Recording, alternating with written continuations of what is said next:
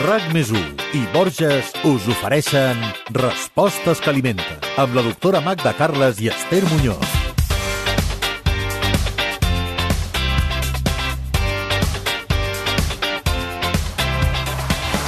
L'alimentació influeix no només en la salut de les persones, també a la del planeta. En un moment en què hi ha la certesa que ens trobem en una emergència climàtica, és important ser conscients de que el que mengem hi té un paper destacat. De fet, el 70% de l'aigua que es consumeix al món és per a l'agricultura i l'alimentació global és responsable de més del 30% dels problemes ambientals. Per tant, és molt útil saber què podem fer per menjar de manera més sostenible?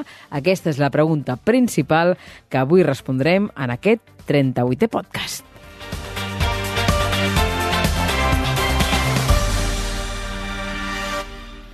Magda Carles, és bàsic, és important, és destacat que ara mateix tothom sàpiga que és una dieta sostenible. Sí, és, és, és un ABC perquè tots estem al mateix vaixell, que és el planeta, i per tant, si el menjar influeix tant a la salut del planeta, tenim que saber què fer.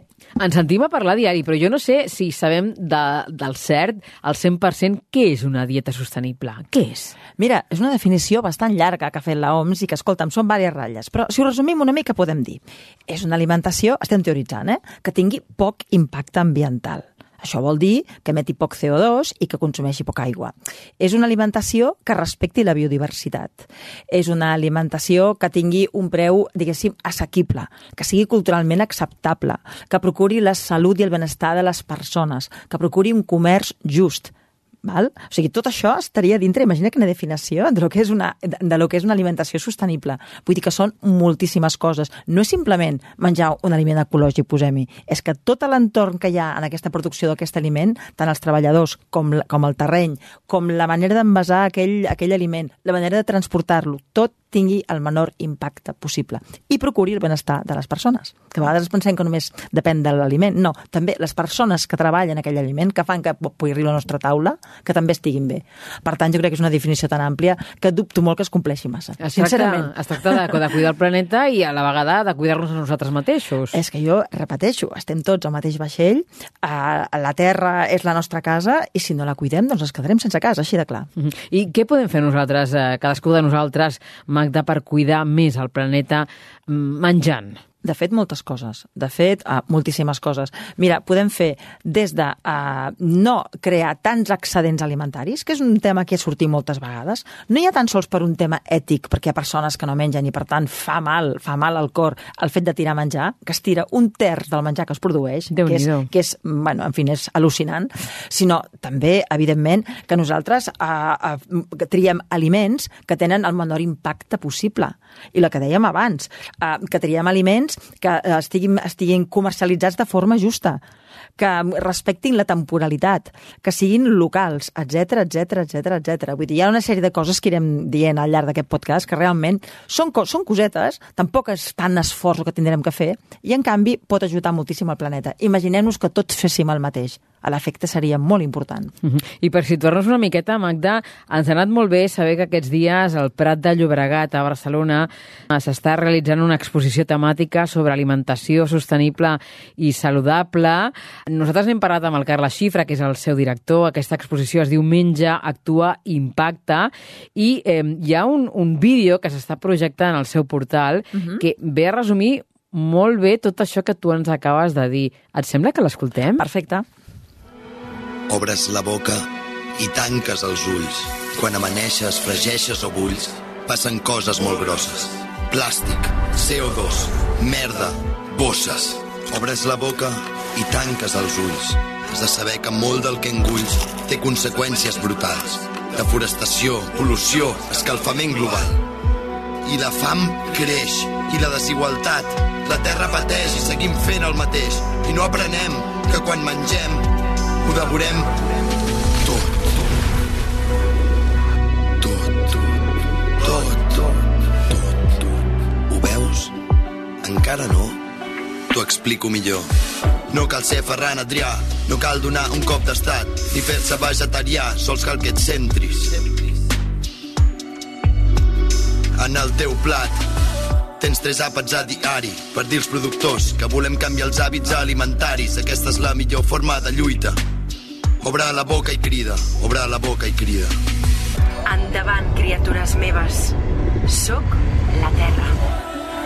I us vull acompanyar en aquesta guerra. Aquí tens la recepta. Més eco, més fresc, més producte local, menys envasos, menys ultraprocessats, menys proteïna animal. A menys que siguis un esquimal. Obre la boca i obre els ulls. Es tanca el cercle. Mira si és just i perfecte. Si tu et cuides així, en realitat, em cuides a mi. Menja, Actua, impacta. Vine a l'exposició a descobrir com menjant podem canviar el món. Un projecte demà Fundesplai. És l'únic camí. Quina bona manera, la Fundació Fundesplai... Ah, m'ha de- encantat, m'ha encantat. De resumir tot això que nosaltres estàvem parlant. És un bon resum, aquest. És un bon resum i, a més, em penso que en música les coses s'entenen sempre molt millor, molt millor, és un coadjuvant per al coneixement, jo sempre ho he dit, però que és veritat que resumeix molt bé el que hi parlarem ara. Vull dir, uh, no són tantes coses, però sí que són unes quantes coses bàsiques. Hi ha una expressió d'aquest rap tan fantàstic que a mi m'ha agradat i és que quan ho devorem, ho devorem tot. I és veritat. És a més, no, no, no mengem només aquell aliment que estem menjant, sinó que estem menjant aquell tros de terra que potser ha perdut la seva biodiversitat a, a, a causa d'aquell conreu. Estem també devorant l'aigua que han fet servir per, per, per, per fer aquella, aquella producció, etc etc etc. No és només l'aliment que tenim a la mà, és com ha arribat a la nostra mà. Potser ha arribat per avió, saps què vull dir? I ha fet tota la seva contaminació. A lo millor necessita saber quina tecnologia perquè estigui amb nosaltres. En fi, quan mengem, té conseqüències. Mhm. Anem a repassar, no? Sí. A desgranar a Sí. aquest eh, videoclip no? i aquest àudio que escoltàvem ara mateix, no? Parlant del malbaratament d'aliments, no? C- Com el podem evitar? Quin seria el secret per aconseguir-ho? A veure, jo crec que això és relativament senzill, potser de les coses més senzilles que podem fer. Algo tan fàcil i tonto com és planificar, que ho feien les nostres àvies i nosaltres no ho fem. Per què dimonis anem a comprar i no mirem abans el rebost i mirem quantes vegades menjarem a casa, quantes persones serem? Per què no ho fem, això? És molt simple, eh? És, són 10 minuts i no ho fem. A vegades improvisem, comprem més coses del compte, o menys, i després tenim que improvisar. Vull dir, realment, calcular, dosificar, planificar, amb això ja, en, en fi, el malbaratament seria molt menor. Ens hem d'organitzar, ens hem d'organitzar. Clar, dedicar un temps al menjar, perquè és que té un impacte a la nostra salut i a la salut del planeta, i a la salut de tots, al final. El planeta som tots, som tots, no? Per tant, doncs, home, si és tan important, per què no li dediquem un temps? Dediquem temps a coses molt més estúpides que això, no? Després també feia referència a, a com mengem, no? Mengem massa, Magda? Uh, tornant a aquest rap, també deia només cal que et centris, si te'n recordes? Sí, Em sí, sembla sí. perfecta aquesta expressió. Perquè centrar vol dir estar pel que fem, d'acord? Sí que mengem massa moltes vegades, a vegades per desconeixement, a vegades per tradició, però a vegades també perquè estem pensant en altres coses o perquè estem nerviosos i mengem més del compte. Sí que mengem més del compte, moltes vegades, perquè molt, molt sovint no estem pel que fem. I quan es menja s'ha d'estar pel que mengem. Mhm. I l'error quin és? Que mengem masses cops al dia o que cada àpat hi ha massa quantitat? Jo cada cop sento més gent, Magda, no sé tu, que m'explica que a la nit gairebé no sopa. Bueno, perquè ha arribat molt bé aquesta, aquesta, aquesta norma de que a la nit, com que a les hores ens anem a descansar, cal sopar poc. Vull dir que això sí que és de les coses que ha arribat, no? Igual que també arriba que s'ha de menjar fruita i verdura i vegetals cada dia. Vull dir que són conceptes que jo crec que estan a la ment de tothom, no? Però, a veure, jo crec que mengem massa, pel que he dit abans, i perquè tenim molta oferta. I perquè a vegades ens avorrim, també, Esther. Que un dia parlarem d'això de la gana emocional, no? Però eh, és que el menjar és, és, és oci. El menjar és oci. A vegades mengem per menjar. A vegades mengem que no sabem què fer, o perquè, mira, estem mirant la tele i no sabem què... què... Estem nerviosos, Estem nerviosos, o perquè ens avorrim. L'avorriment és terrible. I a més, en tot això ara que treballem més a casa, evidentment l'ingesta ha augmentat molt més, no? Vull dir que hi ha molts estudis que indiquen que el quedar-se més a casa fa que mengis més. De fet, molts pacients et diuen el meu problema amb el menjar amb excés ve a partir de la tarda, a partir de que em quedo a casa meva. Per tant, hi ha molts motius pels quals mengem més. I a vegades també, senzillament, perquè tenim els conceptes mal apresos. Perquè potser a casa nostra, quan érem petits, ens atiborràvem de menjar, no? Hi ha molts motius I per menjar mengem més. coses que no ens convenen, perquè Més si més. mengéssim una peça de fruita la cosa canviaria, segurament. Clar, saps quina gràcia té això de fer una dieta més sostenible? Quina? Que el que ens cuida a nosaltres també ens cuida més el planeta. És a dir, si tu fas una dieta més a base de vegetals, que és una de les grans normes, grans normes de, de, de l'alimentació sostenible, també cuides a tu. Perquè, vaja, no n'hem parlat ni una, ni dos, ni tres, sinó moltíssimes de les avantatges que té menjar fruites i verdures. Per tant, la sort és que el que va bé al planeta ens va bé a nosaltres. Una altra cosa de, de les que deia el rap eh, és que eh, no hem d'incloure tants aliments d'origen animal a la dieta, no? Tu hi estàs d'acord? Estic d'acord, és a dir, no cal treure'ls, però sí que podem disminuir, ja fa molt temps que es diu. És a dir, ja quan temps fa que van sortir els famosos estudis de la carn vermella, de la carn dels rumians, que no era massa, diguéssim, ah, bona per la salut, menjada amb excés. Jo no dic que la traiem del mapa, dic que disminuïm la dosi. Moltes vegades ho hem dit aquí. A veure, una ració de carn, a més també la quantitat que mengem cada vegada, no és el xuletón, saps què vull dir? És una cosa que ja es veu que és excessiva, que ens ho hem inventat nosaltres. Entre 100 i 150 grams de, de carn és més que suficient. Això també és important. Al dia? No al dia. O a la setmana. La ració de carn seria aquesta, però no cal menjar carn cada dia saps? No cal. Vull dir, tu pots menjar carn, si és carn vermella, un cop a la setmana és més que suficient. Val. I la resta de la setmana pots combinar carn amb peix blau, amb peix, amb peix blanc, amb bous, amb llegums. Imagina't, si tu menges dos o tres cops carn a la, dos tipus de carn a la setmana, ja més que suficient. Mhm. -huh. Després també dependrà de la teva salut, quina edat tinguis, etc etc. Però parlant en general, no cal menjar carn cada dia. Això és un error que encara hi ha moltes famílies que fan. I si en mengem perquè ens agrada i perquè ens va bé, eh, tu quina recomanaries, no? Com, com hauria de ser aquesta carn d'origen animal? Quina Mira, triaries? Si ens agrada molt, doncs, primer de tot, fem cas en aquestes dosis que jo estava recomanant, que són les justes, és a dir, si, eh, si mengem en ració, pensem que 150 grams és suficient, i després triem la carn que tingui menys impacte en el medi ambient, com és la carn, de, la, la, la carn que és de corral, no? o sigui, les, les aus. Uh -huh. Les aus, si són ecològiques, millor que millor. Sempre parlem de cultius que siguin extensius, val? Um, evidentment tinguent en compte el benestar animal, etc etc. Però repeteixo, és important que no mengem tanta carn. És que és, no la tenim que treure, eh? tenim que baixar la freqüència. Reduir la dosi. Reduir la, Reduir dosi. la dosi. Reduir la dosi. És que tenim molta diversitat de coses per menjar. Val? Vull dir que per què tenim que fer carn cada dia? No? Una altra cosa important, eh, escollir productes locals i de temporada. Això també s'ha dit en aquest Sí. vídeo. Mira, a vegades eh, fem la paradoxa de que dius no, menjo més fruita, menjo més fruita perquè això serà com més sostenible i és més sa per mi. Però clar, si jo agafo una fruita que l'estan produint a l'altra punta del món i ha de venir amb avió, doncs tampoc és massa sostenible. serveix de res. Clar, si jo agafo una pinya que la fan a Filipines, doncs francament, la pinya està boníssima, però té un impacte també això. Per què no agafem la fruita d'aquí? I la fruita de temporada? I qui diu fruita, diu verdures, diu tot. Per què tenim que, que menjar coses fora de temps? Per què dimonis tenim que menjar maduixes al mes de gener si no és el temps? Que no hi ha res més per triar? També és que som una mica, no? També moltes vegades també perquè no ho sabem, eh? Clar, perquè no se sap això ja. Desconeixem quines són les fruites del temps, per exemple. Tan, és tan fàcil com tu vas, a, tu vas a internet i demanes la temporalitat de la fruita i és que està als mercats, està... Vaja, és una informació facilíssima de tenir. Però és veritat que no la tenim en ment, no? Al gener no hi ha maduixes. No n'hi ha. En aquest país no n'hi ha. Doncs no mengem. Ja està. És tan fàcil com això. Hi ha altres opcions.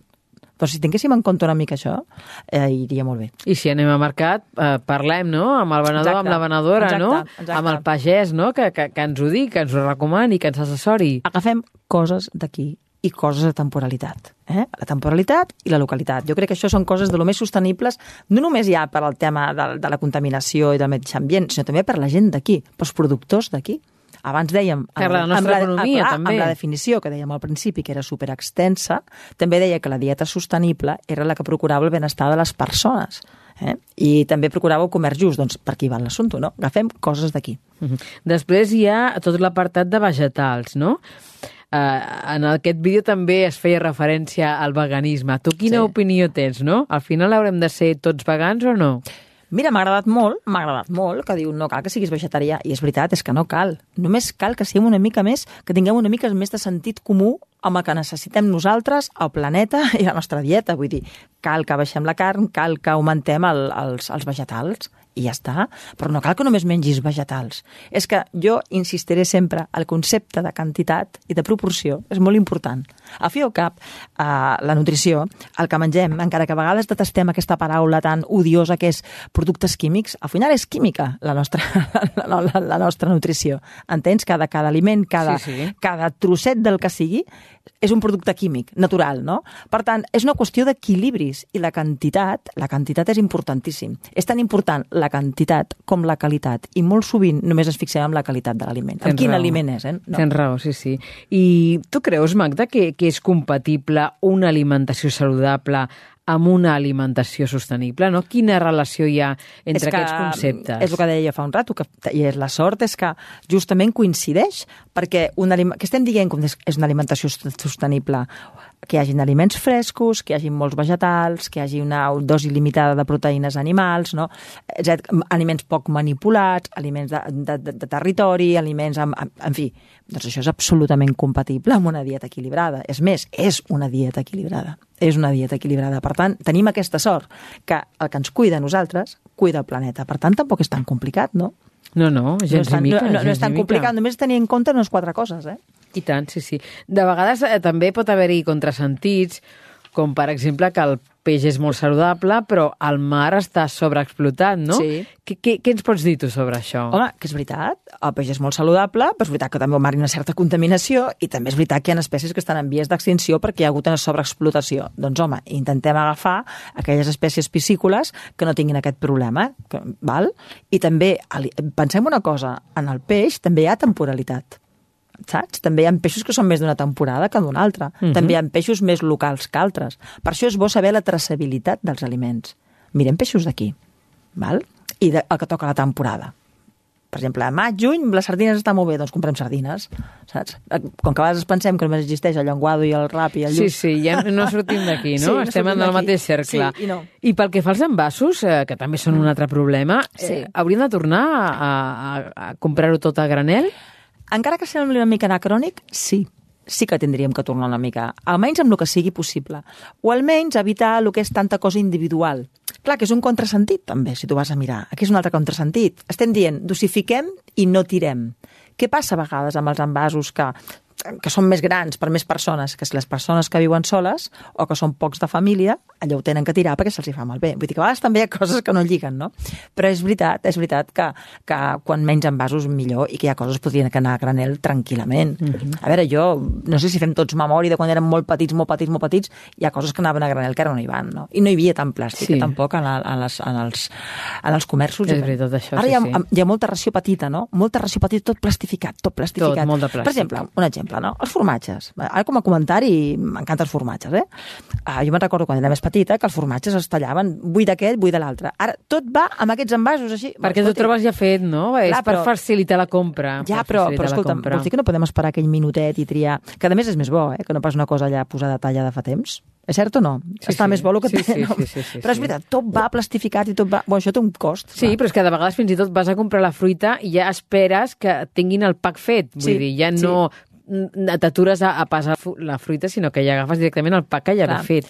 En el fons, la gran paraula, saps quina és? Que és poc sostenible, la comoditat. Totalment. Aquí sí, no en parlem, però realment totalment. la comoditat és antisostenible. Sí, sí. És antisostenible i antisaludable, eh? Perquè, de fet, la, la, la comoditat vol dir que et mous poc. Mhm. Magda, hem d'anar al resum, que el farem d'aquí una estona, eh, on et demanaré doncs, que, que, que ens facis un decàleg del menjar sostenible, però abans tinc el pot de les píndoles aquí, eh, ja en tenim 11, avui és la dotzena. Quina píndola tocaria doncs, relacionada amb aquest tema que tractem avui, que és la dieta sostenible? Mira, a la píndola sostenible és ja que dèiem que tenim que evitar els excedents i tirar menjar, bueno, si, si ens estem aprimant, el que farem serà planificar sí o sí. És a dir, no anem a comprar sense saber, si us plau, quantes vegades menjarem a casa i quina dosi real necessitarem dels aliments.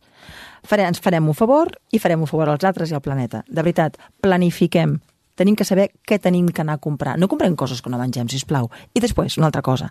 Uh, ser sostenible també vol dir que aquell, aquell paquet de menjar uh, processat que et tira moltíssim i que no et convé, no el compris perquè també solen anar molt envasats i molts, amb molts plàstics i moltes coses. No compris això. Evita'l, I a més estarà més barat tot. Fixa't, et baixarà a la compte de la, de, del súper. Doncs vinga, més va, a veure si a partir d'avui ho fem. Anem amb el resum. Respostes que alimenten, amb la doctora Magda Carles i Esther Muñoz. Doncs va, Magda, fem un petit decàleg de, de menjar sostenible. Quin seria aquest El decàleg? primer, el que dèiem ara fa uns segons, no? A comprar amb intel·ligència, amb tot el que això vol dir. Després també comprar local i de temporada. No ens cansarem de dir-ho, local i de temporada. Evitar el malbaratament. Eh? Quan cuinem, si plau, si hem... pensem una mica abans de cuinar i abans de fer molt bé les coses. Augmentar els vegetals. Això és sí o sí. Les famoses cinc racions de fruites i verdura que fa tants anys que ens diuen però que no complim. Uh, disminuir els aliments d'origen animal. És veritat, tenim molts, molts, moltes opcions alimentàries que no són d'origen animal. Hi ha un munt de cereals, hi ha un munt de llegums, hi ha un munt de fruits secs, hi ha un munt de coses que realment poden suplir perfectament aquests tipus d'aliments. I a més amb avantatge. Uh -huh. no? Disminuir també els aliments processats. Eh? Quan més fresc, millor poc processat, a més ho hem dit moltes vegades també per molts motius, no? Um, disminuir els aliments que són d'importació. Per què? No perquè no ens agradin, sinó perquè si venen amb avió vol dir que ja sabem el que vol dir, no? Sí, sí, el CO2, eh? Clar, la globalització culinària és fantàstica, però també té un cost, eh? Té un cost i unes conseqüències. I després, com una cosa, tornem una mica al temps de les àvies i comprem a granel tot el que es pugui tot el que es pugui. I encara aquí afegiríem, com, com a més, doncs, home, sempre que puguem, comprem aliments que sapiguem d'on venen, i si poden ser de comerç just, doncs millor que millor. Però això ja ho poso com a cosa superidealista, eh? Doncs mira, només que cadascun dels nostres seguidors, de, dels seguidors d'aquest podcast, posin en pràctica aquest decàleg, jo crec que alguna millora obtindrem. Jo encara et diria més, Esther, si féssim alguna cosa de les que hem dit amb el decàleg, seria meravellós. Ja n'hi hauria prou, oi que sí? sí. M'agrada moltíssim una referència que has fet avui a aquesta gana emocional. Per què no en parlem d'aquí 15 dies? Em sembla perfecte. Sí? Vinga. Doncs va, t'hi esperem. Adéu-siau. Adéu, Magda. RAC més i Borges us han ofert Respostes que alimenten amb la doctora Magda Carles i Esther Muñoz.